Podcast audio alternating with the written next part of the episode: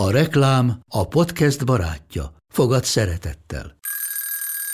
Indítsd jól a napod egy csészen eszkaféval. Élvezd minden reggel a gondosan pörkölt kávészemek telt ízvilágát, az Európában 100%-ban felelős forrásból származó kávéból készült Nescafé klasszikkal. Tudj meg többet fenntarthatósági törekvéseinkről a nescafé.hu oldalon. Nescafé. Új lehetőség minden csészében. Ez reklám volt, jó volt. Nem félt kimondani, sőt leírni, amit gondol. Nyíltan mert beszélni a házasságtörésről, a szexről és a mindent elsöprő szerelemről.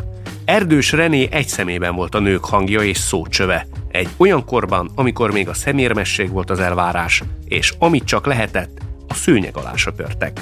Erdős tehetségére Ötvös Károly figyelt fel. Kezdetben verseket írt, és a női lélek legmerészebb ábrázolójaként mutatkozott be. A 20. századi magyar irodalomban senki nem írt annyit, és olyan szókimondóan a nők szexuális életének viszontagságairól, mint ő. Szenvedélyes írói hangjára, túlfűtött soraira igen hamar felfigyelt a közvélemény, persze sokakban visszatetszést váltott ki. Lányok, asszonyok, anyák olvasták titokban regényeit, és igen gyakran kellett írói álnevek mögé bújnia, hogy garantáltan elérje az olvasóit.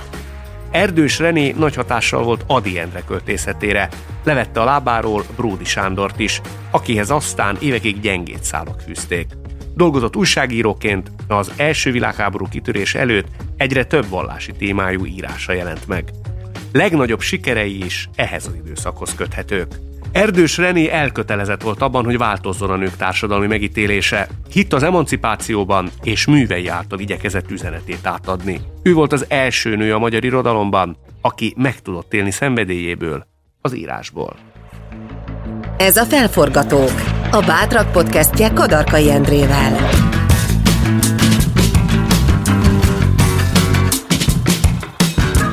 Az igazán sikeres emberek letérnek a kitaposott ösvényről, saját utat választanak, és ha el is buknak néha, még nagyobb lendülettel kezdik újra. Ők azok, akik átírják a játékszabályokat, szembe mennek az árral, és sikerre visznek valamit, amiben hisznek.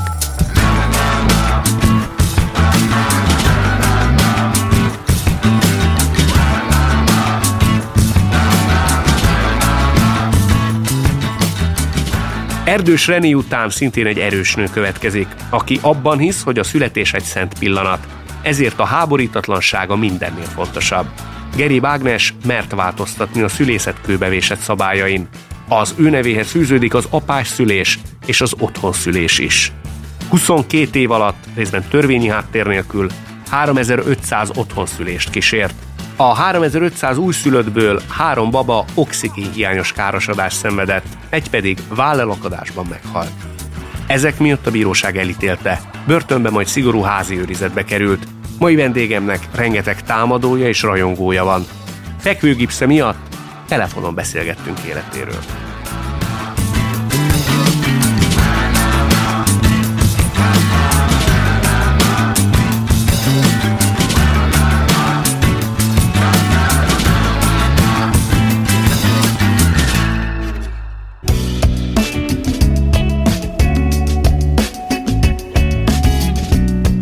Azt olvastam, hogy te fiatalon egy nagyon szobálykövető, szófogadó, tekintélytisztelő gyerek voltál, ez igaz?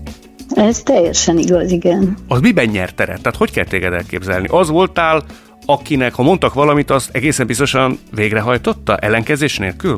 Hát attól függ hány éves koromig, de alapjában véve igen, és ez a tekintélytisztelő dolog, ez egy másik téma szerintem, mert az, hogy szófogadó gyerek voltam, az más, mint az, hogy milyen volt az értékrendem. Uh-huh. Amennyiben, mert mondjuk aki tekintélytisztelő, az általában engedelmes is, nem? Hát egy idő után egyáltalán nem voltam engedelmes, mondjuk olyan 15 éves koromtól, de aztán amikor a tekintélytisztelő az arra vonatkozik, hogy nálunk a családban az orvosok, azok egyrészt hagyomány volt, sok orvos volt a családban, édesanyám, nagyapám, és mindenki a legnagyobb tisztelettel viseltetett az orvosok irányában, és amikor én bekerültem dolgozni a Szegedi Női Klinikára, akkor én ezt vittem magammal.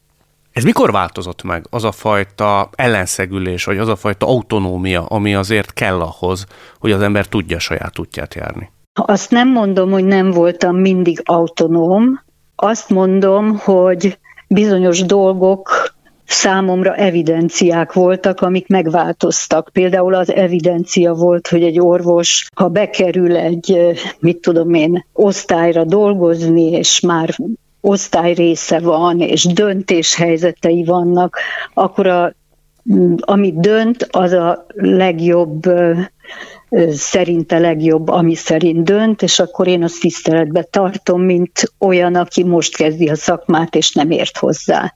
Nagyon hosszú ideig gondoltam azt, hogy én egy olyan hülye vagyok, aki nem képes megérteni ezt a szülészetet. Miért gondoltad ezt? Azért, mert nem értettem bizonyos döntéseket, bizonyos helyzeteket, például, hogy sürgősen miért vittek egy nőt be a szülőszobáról a műtőbe, hogy miért kell a szülést fölgyorsítani, miért kell megindítani, miért ez, miért az, egyszerűen nem tudtam fölfogni.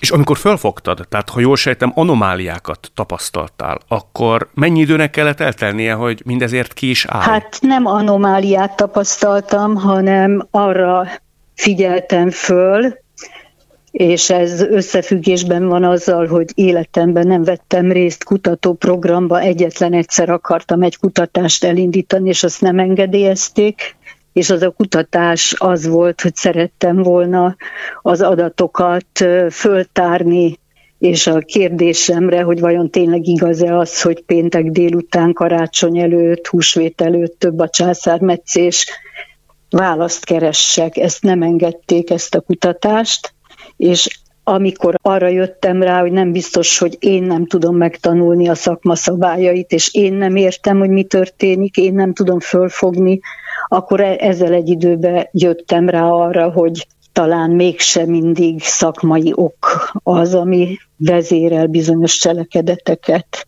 Ennyi volt. Mi más, ha nem szakmai? Hát például ez, hogy péntek délután van, vagy ünnep előtt van, szabadság van, és egyébként... Tehát a kényelem? Hát mondjuk más szempontok, de ehhez hozzá szeretném tenni, hogy egyáltalán nem gondolom, hogy rossz indulatból történtek ezek a dolgok, hiszen az alapfölfogás az, hogy a nő rettentően szenved szülés közben, tehát jobb, ha túl van rajta. Fiatal emberként, amikor ilyet tapasztal az ember, akkor milyen mechanizmusok lépnek életbe a tekintetbe, hogy felmerje emelni a szavát, és elkezdje a saját jól felfogott meggyőződése szerint tenni a dolgát? Hát a szavamat nem nagyon emelgettem, inkább azt tettem, amit úgy éreztem, hogy a legjobb annak a bizonyos nőnek, akivel éppen vagyok.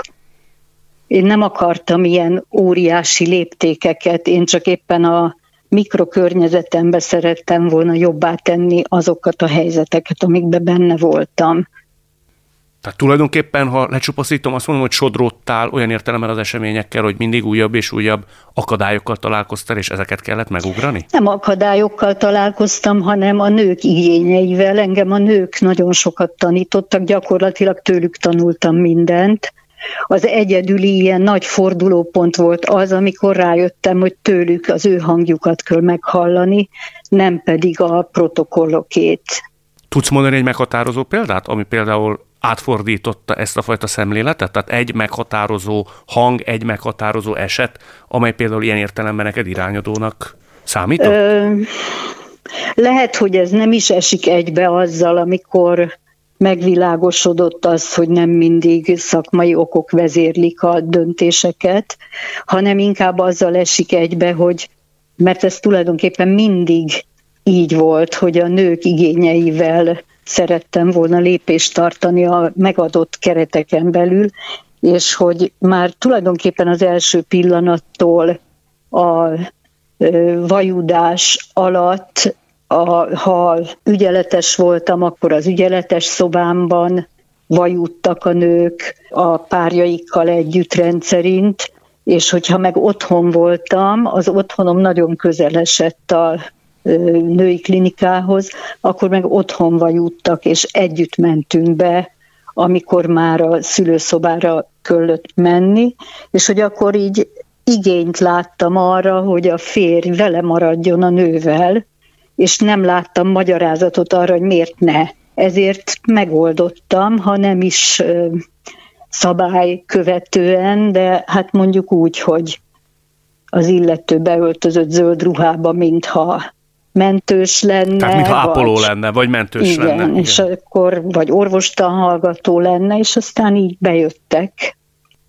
És mondd, hogyha ez ennyire magától értetődő például a te számodra, hogy a nők érdekeit és szempontjait vetted alapul, akkor ez miért nem volt evidens mások esetében? Szakemberekről beszélek. Hát erre sok, ezen elég sokat gondolkoztam már. Egyrészt sok időt vesz igénybe, hogy meghalljam a valós igényt. Tehát odafigyelést, együtt töltött időt, stb. Ez szükséges, nem biztos, hogy mindenkinek van. A másik, amire így rájöttem, az is egy ilyen nagyon komoly fordulópont volt az életemben. Ez akkor történt, amikor be voltam osztva a szülőszobára, mint ügyeletes, és a terhes patológiára, mint dolgozó. És a terhes patológián az egyik fő feladat az volt, hogy a művi abortuszokat elvégezzük. És akkor, mit tudom én, 10-15 művi abortusz, és aztán este 10-15 szülésnél lenni. Ez volt a menet, és hogy nagyon rosszul éreztem magam, és nem tudtam, hogy miért. És akkor egyszer csak rájöttem, hogy egy ugyanazon ember az nem segítheti délelőtt a művi abortuszokat, vagy nem ölhet, vagy nem tudom, hogy mondjam szépen, és ugyanakkor este meg nem segítheti a szüléseket, életeket. És akkor, mikor azt mondtam a művi abortuszokra, hogy nem, akkor egy, ez egy óriási fordulópont volt. Te menet közben ugye azt mondtad, hogy amikor áthágtad ezeket a szabályokat, te tisztába voltál mindenkor ennek a kockázatával? Mit nevezünk kockázatnak? Mert az, hogy eloltottam a villanyt, és engedtem gyertyát gyújtani, az olyan kockázat volt, hogy hivattak a professzoriba, és azt mondták, hogy ennyi, ennyi, vagy kitiltottak a szülőszobáról egy időre, de milyen kockázatról beszélünk? Hát például egy ilyenről kitiltanak valakit a szülőszobáról, azt sokan megfontolás tárgyává Hát ezt teszik. nem tettem megfontolás tárgyává, hanem azt, hogy a nő úgy jobban érzi magát, jobban szül, azt szeretné, semmi akadálya. Benned félelem, egzisztenciális félelem, karrier félelem Nem. volt-e valaha is? Na, Nem. Nem. Nem is mérlegelted, hogy én most ezt meglépem, és ezáltal én mi mindent veszthetek a saját sorsomra vonatkoztatva. Mielőtt letartóztattak volna körülbelül egy évvel, a családom összes tagja összegyűlt, és mondták, hogy ők úgy látják, úgy érzik, úgy következtetnek ebből, abból, amabból, hogy engem le fognak tartóztatni. És akkor én azt mondtam, hogy hát én nem érzem, de ha így van, a, ja, és hogy hagyjam abba, amit csinálok. És akkor azt mondtam, hát én ezt nem érzem, mert úgy gondolom, hogy jó az út, amin megyek, de ha úgy lesz, akkor legalább még addig megyek rajta. És a mai szempontból vagy szemszögből visszanézve nem bizt, lehet, hogy igaza volt a családodnak? Abban, hogy le fognak tartóztatni? Nem, hanem hogy azt abba kellett volna mondjuk egy évvel korábban. Szerintem hagyni. nem, bár abból, de abból a szempontból igen, hogy ők nagyon-nagyon nehéz időszakon mentek keresztül, anélkül, hogy ennek a kézzel fogható, fantasztikus energiáját átélték volna, amit én, annak az egy évnek akár, amit még szülésekhöz jártam. Te úgy gondolod, ha csak és kizárólag a te saját szempontrendszeredet vesszük alapul, hogy ma se tennél máshogy? Tehát ezt az bizonyos egy évet Végig, ugyanúgy végigcsináltad igen. volna? Igen, Pusztán azért, hogy végigmenj ezen az úton, még azon az áron is, hogy letartóztassanak. Ö, pusztán azért, mert hogyha egy évvel azelőtt fejezem be a szülésekhöz járást, akkor is ugyanitt tartok.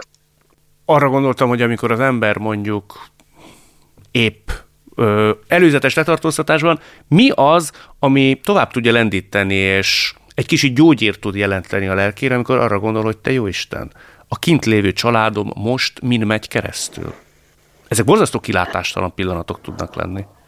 Hát az az igazság, hogy akkor én nem erre gondoltam, hogy ők mind mennek keresztül, hanem arra, hogy átjön a falon, ahogy egymást támogatják a gyerekeim. És hogy egyszerűen átjön a falon, és érzem, és, és hogy milyen fantasztikus, és milyen, milyen fantasztikusak a gyerekeim. Meg a, nem csak a gyerekeim, hanem nagyon sokan. Tehát olyan, olyan erő jött be a falakon, hogy ezt elmondani nem tudom. De ilyenkor az ember például berendezkedik egy hosszabb távú létre is? Fejben, lélekben, hát, mentálisan? Mivel semmit nem lehetett tudni, én aznap tudtam meg, hogy kiengednek, már az egész ország tudta, meg külföld is, meg mindenki, hogy házi őrizetbe kerülök az előzetesből, de én aznap tudtam meg az milyen érzéssel jár, kérdezem nagyon sablonosan. Felszabadító, tulajdonképpen az ember már rezignált is egy picit ennyi idő után. Mikor fogja föl, hogy Isten igazából mélységében, dimenzióiban mi történik vele, és mi történik a következő órába? Hát ez amikor letartóztattak, akkor én azt nem fogtam föl, olyan két óra körül tartóztattak le, de én azt este 11-kor fogtam föl nem, egyszerűen nem vettem észre az ordító jeleket, hogy fogoly vagyok. Sok ordítójel volt, és már mindenki tudta, rengeteg riporter, mit tudom én, kicsoda volt ott, és én nem tudtam. Amikor rádöbbentél, az, az mivel jár? Az folytogató, vagy, vagy tulajdonképpen egy ilyen pánikreakciót vált ki az emberből? Azt hiszem, hogy egyrészt nem tudok erre így visszaemlékezni, nem tudok rá, csak bizonyos mozdanatokra például azok már eszembe jutnak, hogy, hogy mik voltak a jelek, hogy le vagyok tartóztatva, amiket nem vettem észre. És például nem tudom fölidézni, ott 72 órát töltöttem egy nővel, ketten, az életemben nem voltam 72 órát ketten valakivel úgy, hogy csak vele, és arra az időszakra pusztán arra emlékszem, hogy tanítottam sakkozni a Helsinki Bizottságtól kapott leírást téptük szét ilyen sakbábukká, és azzal tanítottam őt sakkozni, erre emlékszem. És a, hazaút, tehát amikor kiengedtek, ott hány órának kellett eltelni, hogy érdembe felfogja az ember, hogy hogy haza? Hát az egy nagyon szörnyű rossz emlék, mert nem hazaengedtek, hanem a barátnőmhöz először, és a barátnőmet nagyon szeretem, már ki se tudom számolni, 16 éves korunk óta vagyunk szoros barátnők, és ő hozzáengedtek, és ő egy második emeleti lakásban, administratív okokból nem mehettem haza. És egy második emeleti lakásban lakik Budapesten, és a, akkor 86 éves, azt hiszem 86 éves volt az anyukám akkor, és amikor ő is följött, és ott a lakás tele volt a családommal, a közvetlen barátaimmal, akkor az anyukámmal, és, és így óriási szeretettel vártak. A nővéremmel, aki egyébként nagyon sokat segített nekem a börtönben azzal, hogy beküldött egy kis cetlit, amire rá volt egy Kejföl Jancsi rajzolva, és alá volt írva egy Kejföl Ági. Na ez volt az egyik leggyakrabban föl elevenedő szimbólum, ami segített, amit a nővérem beküldött. Na minden esetre ott volt mindenki, és akkor én úgy bementem, és hát így egy ilyen rezignált belé. Szóval nem, nem volt az a kitörő öröm, hogy amivel ők fogadtak, és egyszer csak megszólalt a telefon, és a telefonban egy volt zárkatársam volt, aki pár héttel hamarabb szabadult, és akkor jött belőlem egy kitörő öröm, ami egyértelművé tette számomra, aki sokat foglalkoztam posztraumás stressz szindrómával, hogy én ebbe vagyok, ez egy posztraumás stressz, stressz szindróma, hogy én a családomnak, nem barátaimnak, családomnak, testvéremnek, gyerekek, unokák nem örülök úgy, mint a telefon végén lévő volt zárkatársamnak, akitől a bőrömből majd kibújtam, mert ő az egyedüli, aki tudja, hogy honnan jövök. Ugorva egy nagyot az időben, beszélnünk kell egy kicsit ezekről az úgynevezett komplikációkról, hogy voltak éppen mi is eredményezte azt, hogy te házi őrizetbe, előtte pedig előzetes letartóztatásba kerülj. Van-e bármi, amit például gondolom ezerszer végig tízezerszer, minden egyes igen. esetet? Tízezerszer. Van-e olyan, amire most azt mondanád, hogy na azt egészen biztosan máshogy csinálnám? Az egyetlen, amit erre mondani tudok, hogy egyébként tegnap előtt lett volna 14 éves a vállelakadásos kislány, de hogy az ő megszületésével kapcsolatban tud eszembe jutni az, hogy lehettem volna ügyesebb.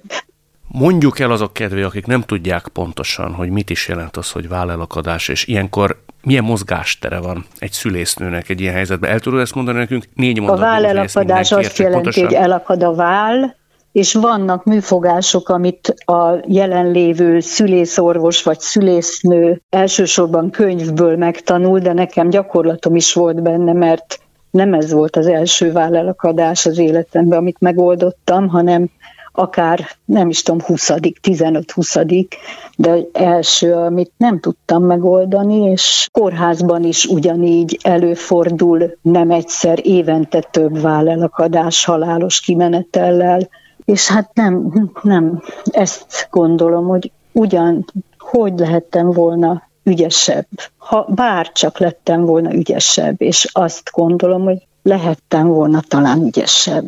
De egyébként az összes többi, amiről szó van bárhol is, az, az nem. Aki mellől letartóztattak, ő, aki 11. évében van, nem sokára 11 éves lesz, ő máig egyébként a családi körben él oxigénhiányos károsodással, de hát ő előtte a Pető intézetben nem olyanok voltak, akik otthon születtek, és a Pető intézet elég régóta működik. Te azt állítod, hogy valamennyi eset bárhol ugyanígy Igen, pontosan. Pontosan azt le. állítom, igen. Volt olyan hibáztatás, vád, támadás, szemrehányás ez alatt, a, Isten tudja hány év alatt, ami például nagyon fájt, és elég rendesen kikezdte a te kedély állapotodat, mentális állapotodat? Tehát ami igazán megviselt? Már hogy avval kapcsolatban, hogy a gyerekkel valami történt? Akár gyerekkel kapcsolatos, akár szakmai, akár közvélemény, akár egy baráti vélelem, valami, ami, mert azért elég megosztó voltál. Tehát nagyon sokan szerettek, hisz tüntetések voltak melletted, egy jól látható csoport, tömeg állt mögötted, míg voltak, akik ellenezték, akár szakmán belül is lehet tudni ilyenekről, a te tevékenységedet. Igen, hát engem egyáltalán nem zavar, hogyha ö, szakmai körökben kérdéseket tesznek föl, és ö, kétségbe vonják egy dolognak a létjogosultságát, mert avval lehet előre haladni, hogy így még jobban belegondolni. Azt is nagyon szeretem, amikor a szülők a kétségeiket kifejtik, és kérdéseket tesznek föl, és például az egyik legnagyobb sikeremnek tartom az életembe, de komolyan, hogy egyszer egy újságíró pár a vállelekadást követően járt fölkészítésre hozzánk, közvetlen a vállelakadás után, amikor egy olyan nagyon mély és rettentő, szóval, hogy ilyen nagyon mély állapotból indulva fogadtuk a hozzánk fordulókat, és hát úgy jöttek, mint gyerekváros a pár. Aztán később kiderült, hogy nem vártak gyereket, de mindegy. És akkor jöttek hozzánk, hétfőtől szombatig voltunk így együtt a párokkal, és tulajdonképpen péntek kettőig tartott az információs rész, és utána egy csoportfoglalkozás volt. És tényleg ez a pár a világon mindent tudott rólunk, mert ott kérdezett és válaszoltunk, mindenki kérdezett, és mindenkinek. Szóval, hogy így pláne akkor, amikor ilyen szerencsétlenség történik, akkor nagyon indokolt, hogy hogy mindenről kérdezzenek, és a régi olyan esetekről is kérdeztek, amikor probléma merült föl, a nagyon régitől kezdve mindenről akartak hallani, tudni, és mindent elmondtunk, a, mindent. És csütörtökön még ott volt ez a pár, és pénteken nem jöttek, akkor még a, a helyünkön nem volt internet, és a telefonokon nem volt internet, és az egyik bábatársam érkezett autóval a hetet megtartani, oda, ahol volt ez a csoport, és a piros lámpánál a szomszéd a szomszéd kormányánál látott egy újságot, aminek a tetején ott volt, hogy geréb ennek ellenére, mit tudom én, mit csinál, ilyen undok cím, és akkor bejött péntek reggel, és mondta, hogy ezt a címet látta, és a pár nem jött. És akkor egész nap arra, egész odáig jött mindenki, és ez a pár nem jött pénteken. És akkor egész végig arra gondoltam, hogy biztos valami nagyon, nagyon valamiet írtak, mert hát tényleg a, a minden a kezükbe volt a, rólunk, minden. És akkor hazamentem, és elolvastam azt a cikket, és igaz, hogy a cím undok volt, azt nyilván a szerkesztő adja, de nem bírt belőlük kijönni egy rossz szó. És ezt akkora nagy ö, sikernek gondolom, hogy oda jöttek nagy ellen, hogy is mondjam, ilyen élményhajház újságíróként titokban, inkognitóban, és utána nem írtak olyat, ami dehonestáló lett volna, pedig írhattak volna bármit. Azt mondod, hogy sok rád nézve dehonestáló dolog jelent meg, vélelem hangzott el. Kettőt hagy emeljek ki, nem is a legdurvábbat említeném, csak kíváncsi vagyok, hogy mindenre hogy reagálsz. Az például, hogy többen azt írták, vagy jelezték veled kapcsolatban, most egy utána olvasva különböző nyilatkozatokba, hogy van hajlamod a mártírságra. Ennek bármilyen értelemben te igazat tudsz adni? Hát ebbe majd bele kell gondoljak, mert nem tudom, én nem érzem magam mártírnak a legkevésbé se. Nekem annyi gyönyörű jutalmam volt a szülések kapcsán, és az, az életem kapcsán nem csak a családomtól, nem csak a barátaimtól, hanem a munkám során, hogy én azt hiszem, hogy én nekem a legjobb a világon, tehát hogy így nem Neked a legjobb a világon, hát ezt kimered jelenteni majd az elmúlt évek óta? Nagyon-nagyon-nagyon jó volt. Azt is tudom, hálával tudok gondolni a házi őrizetre például, hogy megadatott nekem az a lehetőség, hogy az én beteg anyukámmal, a nővéremmel fölváltva 0-24-be itthon együtt legyünk, és soha nem volt az a dilemmám, hogy jaj, szüléshez kéne menni, és akkor. És ez nekem nagyon-nagyon jó. Tulajdonképpen, ha azt kérdezném tőled, hogy kívülről talán ilyen hát nem is tudom mit mondjam, pokoljárásnak is beillő utat, bizonyos életszakaszban ez annak is tűnt. Még ezek dacára is, ha lépésről lépésre végig kellene újra mindezt végigcsinálni, akkor is örömmel, emelt fővel és nagy-nagy boldogsággal tennéd Hát, hogyha azt mondanák, hogy a családomnak ez rettenetes rossz lesz, és nem lehet csinálni, mert a családom így úgy amúgy, akkor biztos meggondolnám. De ha csak azt kérdeznék, hogy hogy érzem, a helyes úton járok-e, és lehet, hogy lesz ilyen-olyan következménye, azt mondták is egyébként. És én a helyes utat jártam. Én a helyes utat jártam máig is, azt mondom, és egyre inkább azt mondom, és egyre több bizonyíték van rá, hogy ez helyes út. Nem mindenkié, mert egyáltalán nem kötelező senkinek se otthon szülni, én senkit soha erről meg nem győztem, hogy otthon kéne szülni, nem. De mondd Ági, amikor egy ilyen markáns, ellentmondásos megítélésű harcot folytat az ember, vannak olyan pillanatok, mikor belül elbizonytalanodik saját magában az ember? Hogy egész biztos, hogy nekem igazam van? Száz Persze, százalék, és akkor utána nézek. Persze. Hát ezek nagyon fontos dolgok, és egyáltalán nem gondolom, hogy nekem minden pillanatban igazam van. Azt gondolom, hogy minden pillanatban azt próbálom tenni, ami szerintem éppen a legjobb, és amit meg tudok tenni. Volt olyan, amiben utólagosan azt mondod, hogy nem volt igazad? Túlzó voltál, harcias, meggondolatlan? Ne, nem, az, Bármi. hogy meggondolatlan, nem? azt nem. nem. Túlzó sem? Vagy túl harcias? Én alapvetően nem vagyok harcias, szerintem, és hát azt nehezen tudom elképzelni, hogy túl harcias lettem volna.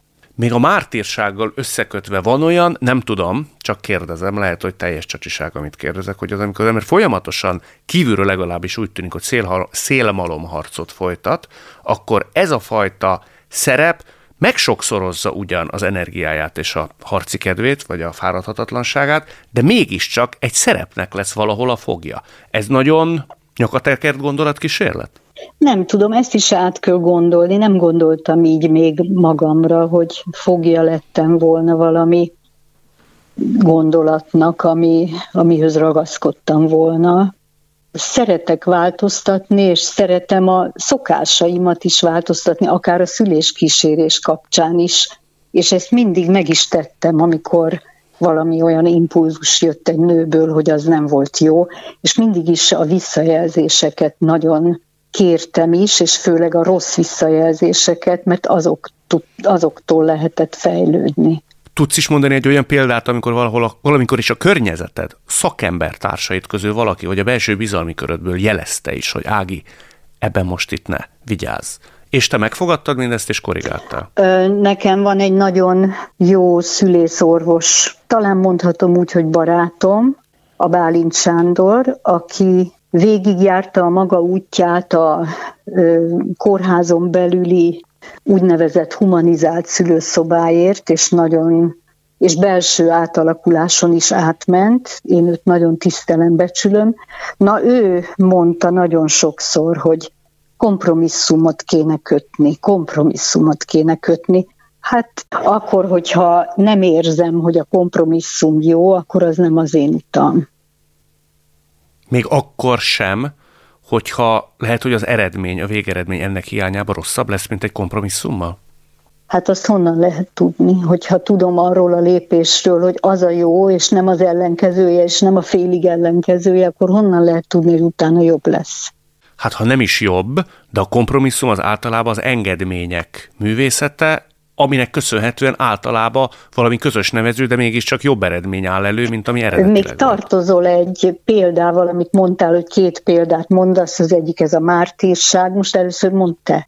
Igen, én például a küldetéstudatra gondoltam. Tehát, hogy azon kaptad-e magad, és ez is egy vélelem, így olvasva fórumokat, hogy az ember, még ha a legjobb szándékkal követi is el, valami jól vagy rosszul értelmezett küldetéstudat lesz rá rajta. Ilyen értelemben tartottál önvizsgálatot? Hát, hogyha a küldetés szót megváltoztatjuk arra, hogy van egy feladatom, akkor mondhatnám, hogy mindig volt egy feladatom, amit úgy gondoltam, hogy, hogy az a feladatom. De hogy küldetés, hogy miért kell ezt a szót használni, vajon azért hogy lehessen aztán szektát mondani, vagy ezek engem nem érdekelnek egyébként mm. és ezek a hangok se érdekelnek, és kics, kicsit az se érdekel, amikor valaki szakmai közegből azt állítja, hogy én olyan szüléseket vállaltam el, amiket külföldön se vállalnak el, és akkor ezt így elmondja, hogy, hogy én egy ilyen hazadírozó vagyok. Ez, ez se érdekel, mert nem néz utána az illető. Úgy tűnik, mintha utána nézne, és közben meg például faros szülés, ikerszülés sok helyen, otthon, otthoni faros ikerszülés nagyon sok helyen támogatott és engedélyezett, és egyébként meg nem is érdekes ez annyira akkor, hogyha azt nézzük, hogy a fölvilágosítás, megfelelő információk utáni szabad döntés a, az anyáé, akkor ez egyébként nem is érdekes. Egyébként szerinted mi a legnagyobb félreértés veled kapcsolatban? Hát mondjuk, ha ezt a, ha pereket vesszük, akkor ott az volt kidomborítva mindig, órákat beszéltek arról, hogy hol a pénz, amit én bizonyára valahol eltüntettem, hát sehol, mert hogy nem úgy dolgoztam soha. Ezt nem bírták fölfogni sehol. A másik pedig az, az, ez is így a pereken kidomborodott, hogy én ráveszem, elbutítom, becsapom, agymosom a hozzám fordulókat. És hát ez, ez se igaz. Aki egyszer eljön egy információs hétre, és végighallgatja legalább a szakmai napot, az pontosan tudja, hogy nem így van. Egy utolsó kérdés, engedj még meg ezzel a kompromisszummal kapcsolatban. Szerinted jó, vagy rossz tulajdonság például a te esetedben az, hogy sokszor ilyen kérlelhetetlen és ilyen végtelenül nyakas volt? Nem érzem magam kérlelhetetlennek és nyakasnak, és egyszerűen visszautasítom ezt, mert nem voltam az. De pont azt mondtad, hogy a kompromisszum megtétele az nem jellemző feltétlenül rád. Bizonyos helyzetekben de. Amikor arról van szó, hogy mit tudom én, valakinek ez az érdeke, másnak meg az, és akkor kössük meg a kompromisszumot, azzal nincs semmi bajom. De amikor arról van szó, hogy egy nőnek, egy családnak, egy újszülöttnek az érdeke az, hogy például ne indítsuk meg a szülését, mielőtt a gyerek nincs rosszul méhen belül, akkor ebben nincs kompromisszum, mert ez a jó. És akkor a másik oldal az, hogy de indítsuk meg. Mikor indítsuk meg, az lenne a kompromisszum. Ekkor meg ekkor, na jó, várunk ennyit meg ennyit. Az nem változtat az eredményen. Tehát ezek más kategóriák. Vagy jó valami, vagy rossz, és ha tudom, hogy ez a jó, akkor miért egyezzek bele a rosszba, ami szerintem rossz, hiába félút, mert mondjuk nem a 40. héten, hanem a 41-en indítják meg, akkor az nekem miért lenne kompromisszum. Az nem kompromisszum, az egy föladása annak, amit én jónak gondolok. És te mindig mindenkor biztos voltál te szakmai meggyőződésedbe?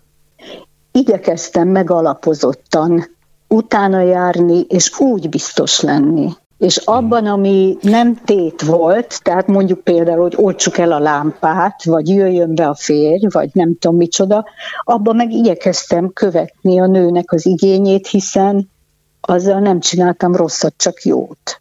Az elmúlt évek mennyire szekték a szárnyadat, mennyire lettél az elhivatottságodból egy picit is fásultá lett ember vagy szakember. Veszel-e észre magadon ilyet, vagy úgy vagy vele, hogy ez csak megsokszorozta az energiádat, és amikor letelik majd ez az eltiltás, akkor újult erővel vágsz neki újra? Nem érzem magam szárnyaszegetnek, és hogy mit hoz a jövő, azt én most nem tudom megmondani. Nagyon sok minden függvénye, nagyon sokat tesz fizikailag is, bő tíz év, szakmailag is, mert a tíz év az csak a kimondott eltiltás és büntetés, de egyébként azt már akkor mondták ki, amikor már öt éve nem dolgozhattam szülésznőgyógyászként, és már két éve nem dolgozhattam szülésznőként. Tehát mire letelik a büntetés, 15 év és 12 év szünet lesz, azon kívül hát az évek elteltek. Úgyhogy most ezt így nem tudom megmondani, a szárnyaim nincsenek szegve.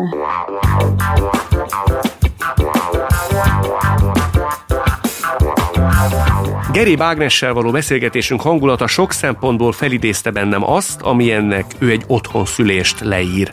Elmélyült volt, átgondolt és tele volt feszült vagy épp megindító pillanatokkal. Története bizonyítja, hogy felforgatónak lenni drámai sorsot is jelenthet.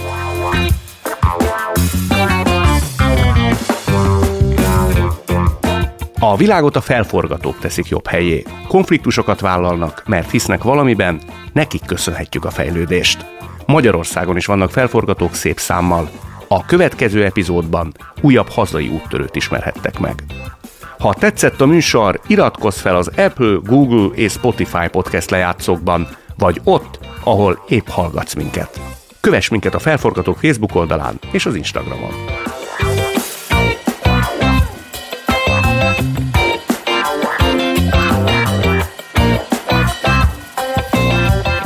Az epizód szerkesztője Regényi Eszter és Zsillesára, a főszerkesztő Neizer Anita, a gyártásvezetők Rögerdia, a zenei és utómunkaszerkesztő Szücs Dániel, a kreatív producer Román Balázs, a producer pedig Hampuk Rihárd.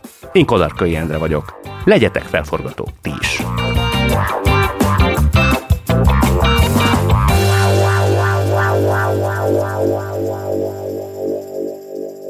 Beaton Studio a Volvo-nál hisszük, hogy a biztonság ma már nem értelmezhető a fenntarthatóságtól függetlenül. Ezért vállaltuk, hogy 2040-ig teljes mértékben klímasemleges és körforgásos vállalattá válunk, és hogy felelős, etikus üzletvitelünkkel hozzájárulunk egy igazságosabb társadalom létrejöttéhez. A fenntartható jövő közös ügyünk, amiért együtt kell dolgoznunk. Forgassuk fel együtt a világot a megteremtése érdekében. Ha más podcastekre is kíváncsi vagy, hallgassd meg a Béton műsor ajánlóját.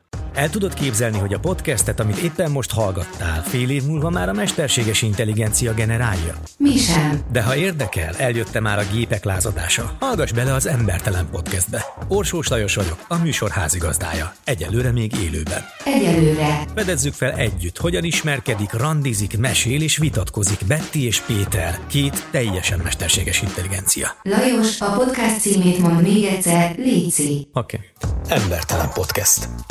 Ez egy Béton Podcast.